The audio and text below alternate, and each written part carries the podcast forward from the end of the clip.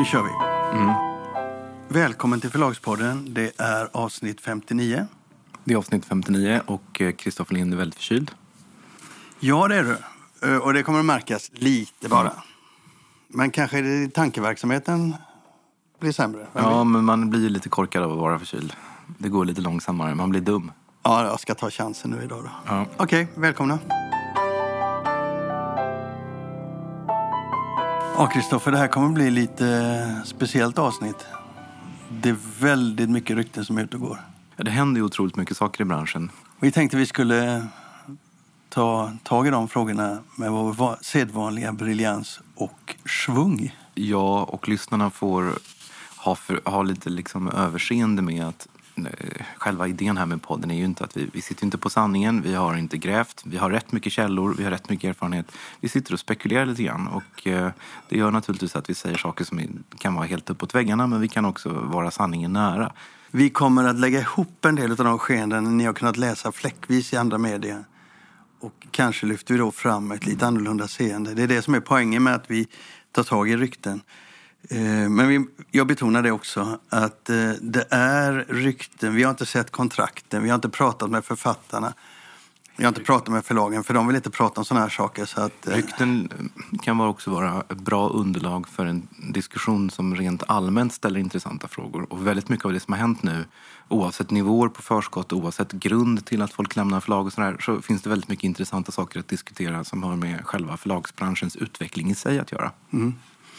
Då börjar vi med Emily Schepp. Emily Schepp.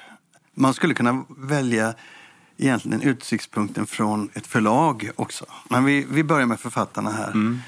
Eh, Vän av ordning läste kanske Svensk Bokhandel helt nyligen där de skrev att Emily Schepp har nu fått 12 miljoner utav Norstedts i ett avtal om fem böcker. Ja, det är en uppgift som, eh, som publiceras i SVB men som Norstedts inte bekräftar. Inte siffran, men fem böcker är sant. Fem böcker och det verkar inte vara bestämt vad de här böckerna ska handla om. Om det ska vara en fortsättning på den här serien om Johanna Berzelius eller om det ska vara något helt nytt. Vi har hört att det handlar inte om 12 miljoner, det handlar om 30 miljoner kronor. Och då är det så att 12 miljoner är upfront. Det vill säga, det får hon för de fem böckerna innan hon börjar skriva. Totalt ger avtalet henne 30 miljoner kronor för så vidare att hon levererar i tid och som är överenskommet enligt kontraktet. Och då tänkte jag så här när jag hörde 30 miljoner, det är inte möjligt. Jag har aldrig sett de pengarna Nej. i branschen. Jag har aldrig sett dem i Norstedt. Men så började jag tänka efter. Jo, det här är det nya nya. Det är helt möjligt. Jag ska komma till det strax, men vad säger du? Nej, men jag, har, jag förstår inte här. Du säger att det här är det nya nya. Vi, vi har ju också hört att David Lagercrantz lär ha fått en, en, ett förskott kring en 12 miljoner. eh, 15. 15, 12-15 miljoner för de tre titlar, tror jag är, treboksavtal som han har skrivit med Norstedts för en helt ny serie efter Millennium. Eh, och du säger att det här är det nya nya. Jag tror att det här är det nya gamla som kommer att bli väldigt dyrt. För att i den nya världen där vi befinner oss så är de stora förskottens tid förbi. Nej, detta är St- Stordalen-effekten. Det här är författare som Stordalen och Strawberry har varit ute efter. Och Norstedt har då svarat på den utmaningen. Man ska veta då att Emily Schepp är en av de mest framgångsrika egenproducerade författarna vi har i Sverige. Ja, det var Historiskt. första boken. Första boken, ganska många böcker sen nu. Ja, sen kom två böcker på VV, Mm. Wahlström och Wistrand. Och sen har det kommit två böcker på HarperCollins. Så nu köper Norstedts över henne från HarperCollins. Så vitt jag förstår det så har det varit en av Strawberrys eh, topp fem-kandidater som de har velat ha på sin lista. Och eh, när Norstedt gick så högt som de gjorde så eh, klarade inte Stordalen att möta Nej. dem. Och det är spännande. Det är spännande och du har säkert rätt i att Stordalen har drivit upp förskottet både på Emily Schepp och på David Lagercrantz. För där vet vi också, eh, det har de ju bekräftat själva, mm, legat på väldigt hårt. Mm. Men låt mig komma till uträkningen då. När jag Okej. Mm. Det här är alltså en... eh, Det är den nya världen där Storytel är ägare till Norstedts. Och du ser en helt annan ekonomi i Norstedts eh, position på marknaden. När de går mot författare idag så har de Storytel i ryggen. Och Storytel kan ge dem en helt annan muskel. Och då menar inte jag för att de är en ägare med mycket pengar. Men Emily Shepp på, stor, på Storytel med Royal Treatment. Men de sitter ju inte på backlisten. Mm, Nej, det gör de inte. Men de sitter bra på fem böcker. Sen får du inte glömma att det här avtalet innehåller allt. Det innehåller eh, alla rättigheter, inte bara böcker. Det innehåller eh, film, det innehåller eh, ja, alla format du kan tänka dig.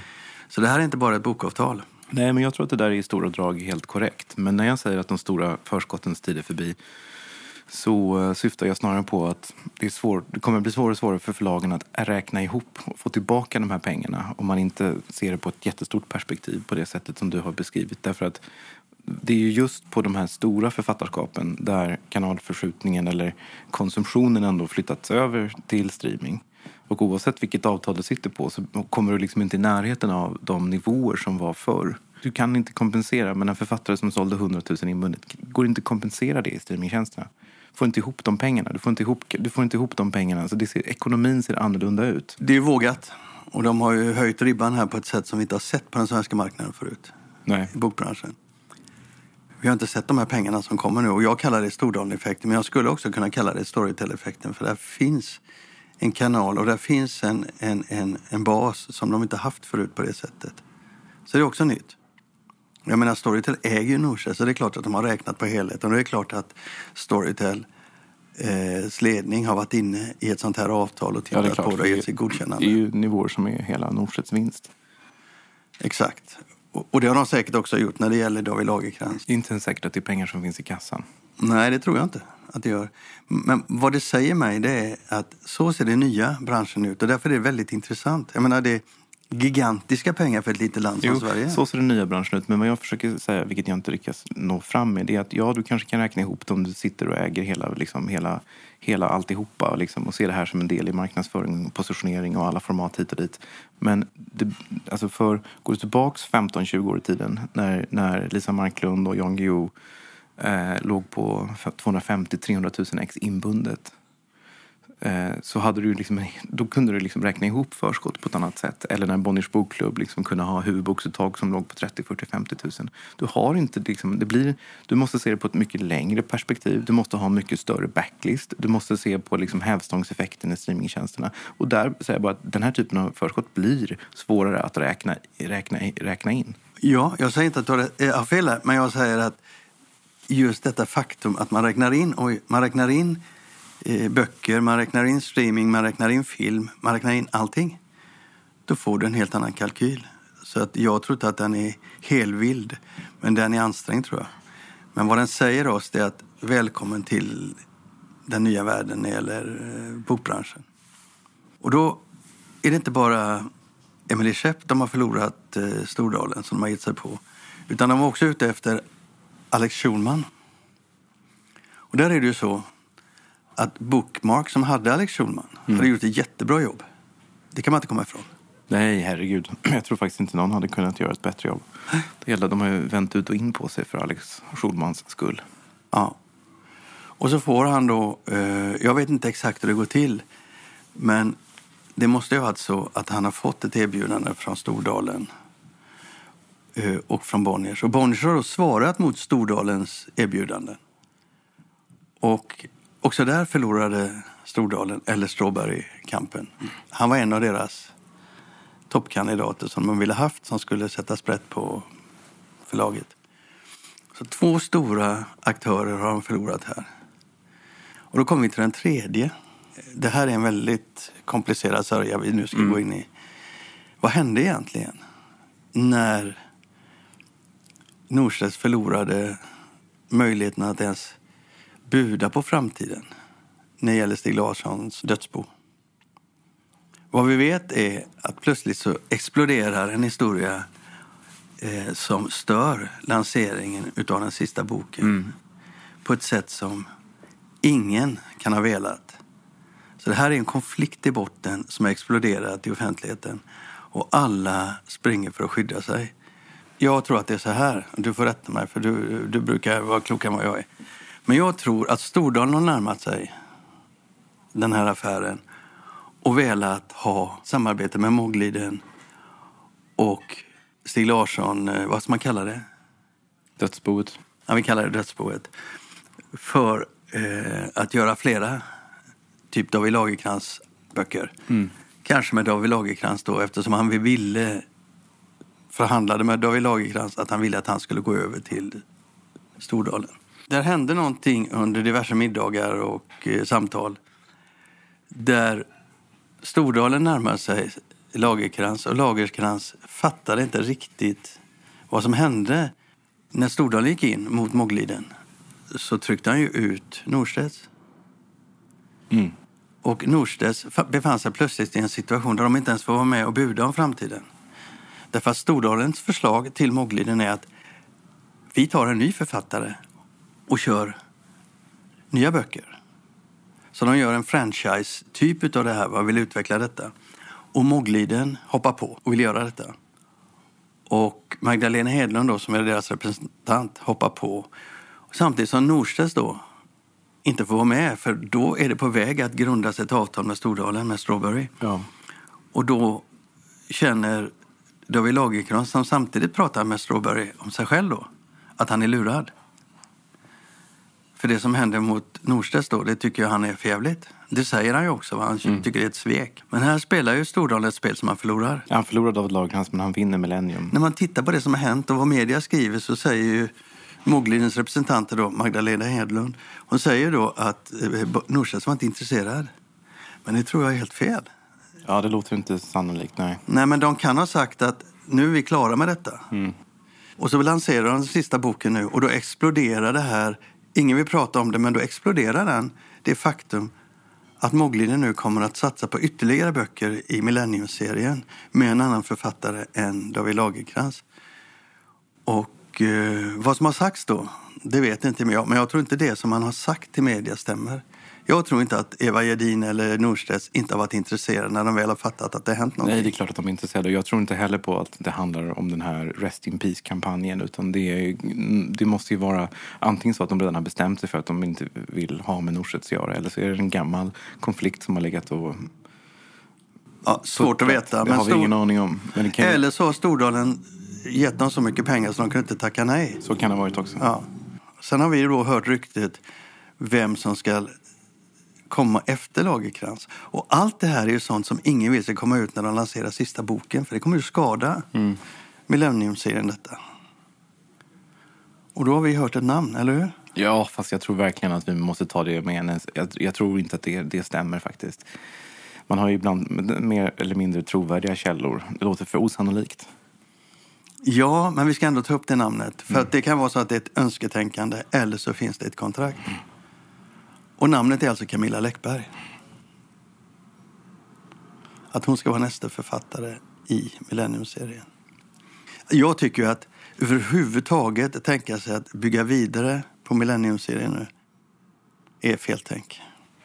Hela grunden för Millennium-serien, Stig Larsson, försvinner längre och längre och längre bort från det här. Det blir bara en penningmaskin. Å ena sidan så har du rätt i det. Men å andra sidan kan man säga att när man väl har börjat att skriva en fortsättning på Millennium så finns det liksom ingen anledning att sluta. Ja, visst. alltså, du, kom, du, nej, du kommer längre och längre från, från autenticiteten. Du kommer längre och längre från originalet. Men om du, det är som James Bond. Har du väl öppnat den här asken så, så Så går det inte att stänga den. Det går att stänga den. går det absolut att stänga. Men du har ju öppnat den av ekonomiska skäl. Varför ska du stänga den nu? Därför att jag tror att eh, vem de än tar så kommer det bli ett fiasko. De måste ju ta någon i så fall som är jättebra. Och då tror jag att de måste gå utanför den svenska marknaden. Ta en internationell författare. Mm, kanske de gör också. Nej, jag tror nog att eh, de siktar på Camilla Läckberg. För det är kan ju också vara ett sätt för Stordalen. Att få, att få en svensk författare. Ja, det är också ett sätt för Stordalen att komma åt Camilla Läckberg i andra ändan. För Bonniers har precis slutit ett avtal med två böcker med Camilla Läckberg. Och tar hon detta också så Jag tror att jag... det ska vara fyra böcker. Två fjällbacka och sen så är det två fackböcker på något sätt. Ja, det kan det vara. Men tar hon detta också så blir det jättekonstigt. Det går ju inte att krypa ur på något sätt. Nej. Så det, det tyder på att jag kan ha fel. Men jag är inte så säker på det.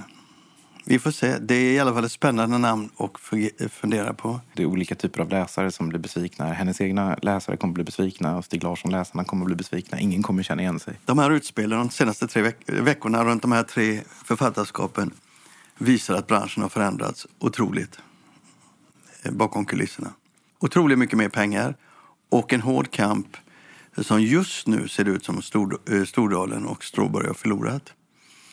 De har en del författarskap, men de ligger på en mellannivå.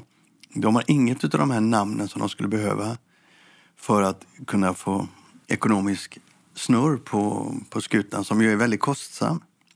Och då kommer vi till det scenariot vi pratade om i början, att det här kan bli otroligt dyrt för Stordalen. Är han beredd på det? Man kommer du upp mot två år utan att ha några större intäkter, då, då ligger du rätt risigt till. Alltså för honom är ju även, även, även ganska stora förluster små pengar. Så det tror jag nog. Det känns som att han har investerat så pass mycket engagemang och prestige i det här. Så jag tror nog att, att eh, jordgubbsförlaget drivs, kan drivas väldigt många år med, med eh, mycket stora förluster. Det där är ju en annan aspekt på de här jättestora affärerna och det är ju att eh, man kan räkna på det och man kan komma fram till att ja, men det här kan vi nog känna in och sådär. Men du får ju också när, man gör, när ett förlag gör en sån här jätteaffär, även Norstedts, så blir det ju en affär som utesluter väldigt många andra affärer. Alltså du, du åderlåter förlaget på väldigt mycket energi, på väldigt mycket mm, potential, på väldigt mycket arbetstid, på väldigt mycket arbetskraft som måste fokuseras på att sälja just det här författarskapet. Ehm, det tar från de som är i närheten och det tar från eh, andra saker man skulle kunna satsa på. Så det blir också en eh, det, är inte, alltså det, det ska verkligen dra in pengar för att, för att det ska vara värt det. Jag uttryckte mig dåligt. Det är så att säga, när man gör en jättestor satsning så tränger det undan andra satsningar. Eh, det är svårt att, det är svårt att inte... Emily Skepp kommer ju bli Norstedts mest, absolut viktigaste författare nu framöver. Och det ändrar lite på profilen på förlaget? Nej, jag tänkte inte så. Jag menar snarare att det, liksom det, det gör kanske att man inte satsar lika mycket på andra som man hade tänkt satsa på. Eh, det gör kanske att man, eh, det blir ett väldigt fokus på det. Ehm, det kan vara rätt att ha det fokuset, men det kan också vara fel. Eh, man binder upp sig på ett engagemang och ett åtagande som, som, är, som kan kosta väldigt mycket. Ja, jag säger inte emot dig.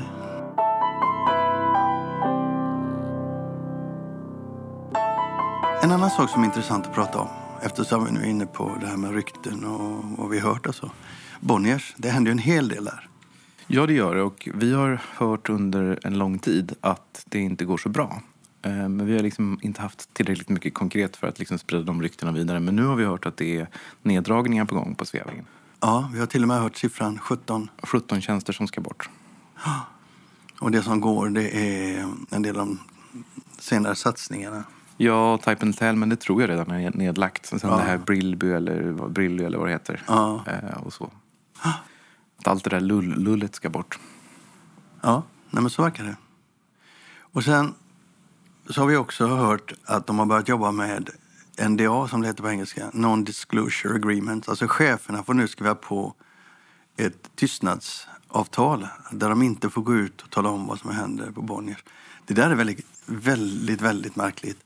Vi har inte sett det i bokbranschen förut. Nej, jag tycker det är väldigt konstigt också. Därför att om man är hög chef så är det väl ganska självklart att man inte sprider vidare känsliga uppgifter om sin arbetsgivare. Det är liksom någon slags eh, illojalitet. Mm. Man ska inte behöva skriva på ett sånt avtal. Det ska inte behöva läcka. Det kan jag tycka å ena sidan. Ja, men uppenbarligen så har det läckt och de vill nu stoppa det. Och det tyder väl också på att det är lite stökigt internt. Ja, det... Jo, men det är så jag tänker också. Att ett sånt där avtal tyder ju på att man har lite dålig självkänsla. Att det är Ja. ja. En sak man vill stoppa det är ju antagligen är ju informationen runt uh, avtalet med Storytel. Men där har jag förstått att man har haft väldigt mycket problem med författare som har varit irriterade att de hade tappat så mycket i omsättning. Och uh, det har väl tvingat dem till förhandlingsbordet, tror jag, bland annat. Men uh, just det där avtalet kommer de ju ändå inte kunna hålla tyst om det kommer ju läcka ut bakvägen när författarna får sina ersättningsredovisningar. Då kommer man kunna se vad, vad får du per lyssning. Ja, nej, det är omöjligt att hemlighålla det på sikt.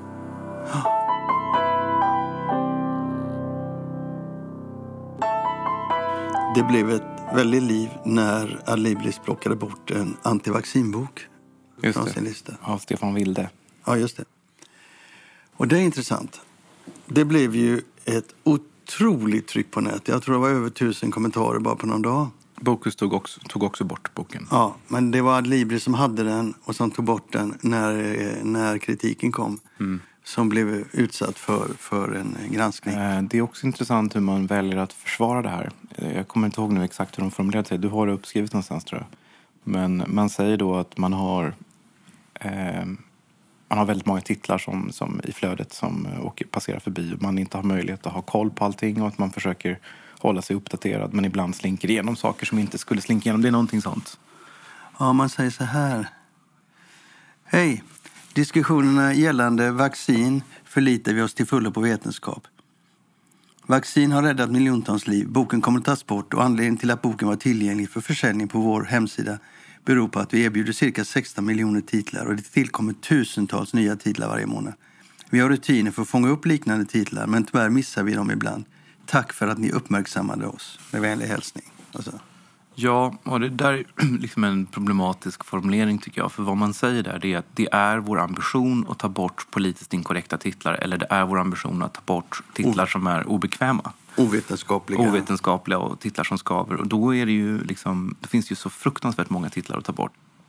Vi vet ju att det inte är så, det är inte så man jobbar. Utan, Nej. utan eh, man, man kopplar upp sig på stora databassystem. Eh, och eh, ibland så dyker det upp någonting som, som väcker då det här den här ilskan i sociala medier. Då löser man problemet genom att ta bort boken och eh, lägga upp en sån här eh, formulering. Vad en enskild bokhandel väljer att ta in är helt upp till den enskilde bokhandlaren. Men om du har en nätbokhandel som kopplar upp sig mot de här databaserna med, med tusentals titlar eh, och aktivt väljer att plocka bort en titel vartannat år efter att du får liksom en kritikstorm på Facebook eh, så är det ju faktiskt två helt olika saker. Ja, det är det. det, är det. Och de gör Jag ju... jag, jag menar, en vanlig bokhandel kan, kan välja själv vilka de vill ha. Om de vill ha en, det finns många bokhandlare som har en vänsterprofil. Det finns bokhandlare som har en kokboksprofil. Det finns bokhandlare som har barnboksprofil. Eh, det- alltså en vanlig, alltså vem som helst får väl ha vilken profil och vilka böcker i sin bokhandel som helst. Men i Adlibris och Bokus fall så är det inte så att man aktivt beställer in böcker i sitt sortiment, vilket många verkar tro. Utan man kopplar upp sig mot jättestora databaser och sen så har man alla de ti- tiotusentals titlar som ligger där till försäljning. Eller miljoner titlar. Ja, miljoner titlar som ligger där till försäljning. Eh, och eh, man är en slags infrastruktur. Ja, så är det. Men, och jag menar att enda grunden för deras agerande i de här frågorna det är bryter innehållet mot lagen. Då har man rätt att plocka bort den. Men om det inte gör det så har jag svårt att se att man överhuvudtaget ska plocka bort den oavsett vem det stöter. Jag tycker det är extremt svagt av Adlibris att ta den här positionen man gjorde. Det är bara rädsla som styr dem. De kan Prag- principiellt inte hålla det är, den. det är pragmatism och de har ju visat att det här var ett bra sätt att hantera det på för nu har ju den här debatten redan dött. Ja, men jag tror att det är viktigt för oss övriga och för bokbranschen att man står upp för de här frågorna. Därför ingen annan gör det. Nej, jag, jag håller med och jag tror att det finns, men skulle man leta i tit- titelutbudet så hittar du säkert saker som absolut inte är olagliga men mycket, mycket provocerande. Eh, både vad gäller rasism och invandrarfientlighet och eh, ovetenskaplighet, religion. Det finns, det finns ju massor som, som är värre säkert än Stefan Wildes bok. Det är jag helt övertygad om.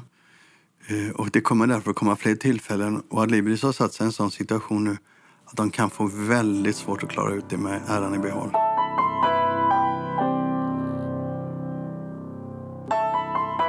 Här, Kristoffer, har vi ett ämne vi måste ta.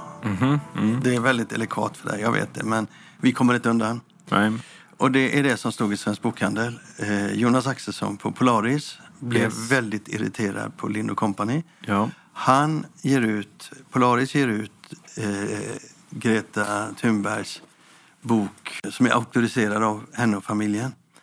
Och du ger ut en bok som är icke-auktoriserad. Men ta bort den markeringen på boken när du översätter den från italienska till svenska. Vad handlar detta om? För här ska du få svara lite hårdare för det här. Okej, först ska jag bara backa och säga att du, du fick det fram som att eh, Jonas Axelsson på Polaris hade en bok eh, och sen kom vi med en bok och de påminner om varandra och vi låtsas som att vår är eh, våra auktoriserade. Axelsson har ju givit ut fler böcker om jag inte har fel. Och det började, med, det började väl med Malena, Ernmans, Malena Ernmans bok om, fam, om sin familj. Eh, och eh, det var en helt annan typ av bok. En, en, en biografi som inte Ja, men nu pratar vi Greta Thunberg, Ja. Greta Thunberg-böcker. Ja, nej men eh, bakgrunden då är ju att vi har givit ut ett antal biografier som vänder sig till barn. Och det är ju en, en trend som har blivit väldigt stor och det är någonting som vi har talat om i podden tidigare. Eh, och det började väl lite grann med de här böckerna eh, Godnattsagor för rebelltjejer. Vi gav ut Godnattsagor för pojkar. Eh, ett och två, det var vår mest sålda inbundna bok, tror jag faktiskt, även för, i alla kategorier förra året. Eh, sen har vi en serie där den här Greta-boken inte ingår för tydlighetens skull. Men vi har ändå en serie med, med biografier för barn som är ungefär samma format som Greta-boken. Och det är Malala, det är Stephen Hawkins och det är Michelle Obama. Och sen började det då dyka upp ett antal stycken såna här Greta-böcker för barn eh, under sommaren. Jag tror att jag har sett sju stycken nu vid det här laget. Eh, och i juni så hittade vi en italiensk som vi tyckte var fin. Som vi köpte och som vi har gett ut. Eh, och på den italienska så stod det då, ja, då först och främst titeln och sen så stod det En icke-auktoriserad. en icke-auktoriserad biografin. Och det där försvann på vår utgåva. Och det tycker Jonas Axelsson var fult och oetiskt. Och vi ger honom rätt i det. Eh, och vi har nu satt tillbaks det. Eh, vi har till och med lagt in det i själva titeln. Så att man, om man söker på den här boken på Bokus ad Libris så står det liksom till och med i själva titeln. Medan det på det italienska omslaget bara stod, bara stod på omslaget. Vi har också lagt in det i själva säljpresentationen så att det står högst upp. Eh, och eh, vi... Eh, det var inte så att vi hade ett stormöte där vi sa att nu ska vi ta bort det här så att vi kan lura folk så att de tror att det är Gretas egen biografi så att vi kan tjäna mer pengar. Utan det var en väldigt snabb produktion och det, var, det bara föll bort. Eh, Mm, ja, det kan man väl inte köpa va, riktigt. Det är möjligt att det är så. Men du måste ju förstå att folk tittar att normalt sett så kan inte bara en sak falla bort utan det finns någon tanke. Ja, men vi tar bort det för då säljer vi bättre. Nej. Du, du har, nu har du den här utgångspunkten att, att allt som sker på ett förlag är så otroligt medvetet. Att allt som sker eh, är så otroligt, att man har koll på läget hela tiden. Eh, vi köpte den här boken i juni och vi gav ut den i augusti. Eh, när vi la upp den i, i, eh, i, eh, i bokdata så eh, föll även översättaren bort. För det, jag hade inte med det på vårt faktablad. Alltså, ibland kan det gå väldigt snabbt. Eh, och vi, vi, vi, liksom, vi backar på den här punkten. Vi ger Jonas Axelsson rätt. Det borde stått. Nu har vi rättat till det så att nu är det övertydligt eftersom vi till och med lagt in det i titeln. Ja, Men, men, men, men en viktig poäng här är att Jonas Axelsson tycker ju att hela utgivningen är oetisk. Alltså han tycker ju att det här är dåligt. Men att vi överhuvudtaget ger ut den här boken tycker Jonas Axelsson är oetiskt. Och där ja, skiljer vi oss åt. Därför att? Därför att jag tycker liksom inte att... Eh, han tycker inte att man ska ge ut någonting som inte är auktoriserat av Greta och Gretas familj. Och det tycker jag är, är orimligt givet vilken världsstjärna som Greta har blivit. Eh, och jag tycker i, den här, i det här sammanhanget som vår utgivning finns, där vi har en serie med böcker för barn, biografier för barn som alla har det gemensamt att de handlar om någon som har gjort någonting bra. Det är alltså väldigt positiva böcker. Det är böcker som ska inspirera barn. Eh, att vi då har en bok som handlar om att Greta är en, en bra inspiratör, att Greta är en förebild. Eh, Det tycker inte jag är fel. Jag tror inte alls att det finns en great conspiracy. Jag kan mycket väl tänka mig att det kan vara slarv, men en, en sån grej, när man ser ett sånt namn, eller man ser det så tydligt på omslag så vet man ju som förläggare skillnaden mellan auktoriserad och icke auktoriserad. Man gör ju ändå en kalkyl och den är ju väldigt, väldigt synlig. Så någon måste ju ha tänkt att om vi tar bort det, vad får det för effekt? Eller tar man bara bort det? Man måste också alltid ställa sig frågan, om man tycker någon har gjort någonting klandervärt så måste man ställa sig frågan, ett, var det uppsåtligt? Två, vad får det för effekt? Jag tror inte att någon har trott att det här har varit Gretas personliga biografi som hon själv har stått bakom. Alltså det är bortom all rimlighet att någon skulle tro att det här var Gretas självbiografi. Det är ett tecknat omslag, den vänder sig till barn. Den ingår i det här biografisegmentet. En annan, en annan, suckar du, en annan sak är också att det här med auktoriserad eller icke auktoriserad är ju inte heller alltid något som man har på en bok. Nej, det är. Där, därför att alltså man har ju... Oftast har man om man har en auktoriserad biografin kan det vara liksom om det är en jättestor världsstjärna liksom, så vill man ha att det ska framgå, att det ska vara tydligt att det här är liksom Obamas egna memoarer. Men man har, jag skulle nog säga att trenden är att man, tar, man går bort ifrån det. Därför att det, det råder liksom ingen oklarhet om, om hur det förhåller sig. Det, liksom, Jo, det, det kan det göra. det kan göra det, men jag menar, det, det, liksom du, du, ni, du och Jonas Axelsson får då framstå som att vi har brutit mot en av de absolut heligaste reglerna och att, att, att nu kommer folk tro att Greta har skrivit boken. Det tror inte jag. Jag, jag håller med om att eftersom Greta är ett barn och eftersom det här är känsligt så, så liksom sätter vi tillbaka det och nu har vi rättat det här felet. Men jag tror inte någon har köpt boken som har verkligen trott att det här har Greta skrivit själv. När ni har rättat det Det nu. är ingen som tror att Stephen Hawkins, en, en tecknad bok med Stephen Hawkins, ingen tror att han har skrivit den själv. Ingen tror att eh, liksom Malala har skrivit den här boken själv. Nej, men om vi tittar nu på den här Greta-boken och den här, eh, den här upplagan, hur stor var den? När, där? 4 000. Och nu har ni tryckt en ny? Nej. Vi har inte rättat, vi har inte dragit in den fysiska boken, det har vi inte gjort. Vi har, vi har, vi har, eh, vi kommer, om vi, om vi trycker till den så kommer vi att eh, eh, sätta det på omslaget. Och sen har vi gjort, vi har ändrat i bokinfo och, och vi har ändrat i de texter som går ut på nätbokhandeln. Nu ser väldigt sur ut. Jag är inte sur, jag tycker bara att... Eh, Det är tur för dig att du inte driver någon egen verksamhet. det, men det har du ju haft glädje av förut. Jag, jag sitter här och inte, eh, liksom, jag driver ingen verksam, egen verksamhet. Jag kan vara grinig jag vill och hur sur som helst och ha hur fel som helst. Ja. Och det kostar mig ingenting. Nu drabbar det dig. Nej, jag syftar på att du, det- du är väldigt snabb att kritisera. Du är väldigt snabb på att förklara alla andra vad de gör för fel. Eh, Det är inte så jävla lätt. Vi, eh, det här föll bort. Vi backar, vi ber om ursäkt, vi sätter tillbaka det. Eh, Vi gör om, vi gör rätt. Men jag står, jag står fast vid att jag tycker inte att det här är en dålig utgivning. Jag tycker inte att det här är en oetisk utgivning. Det får stå för Jonas Axelsson.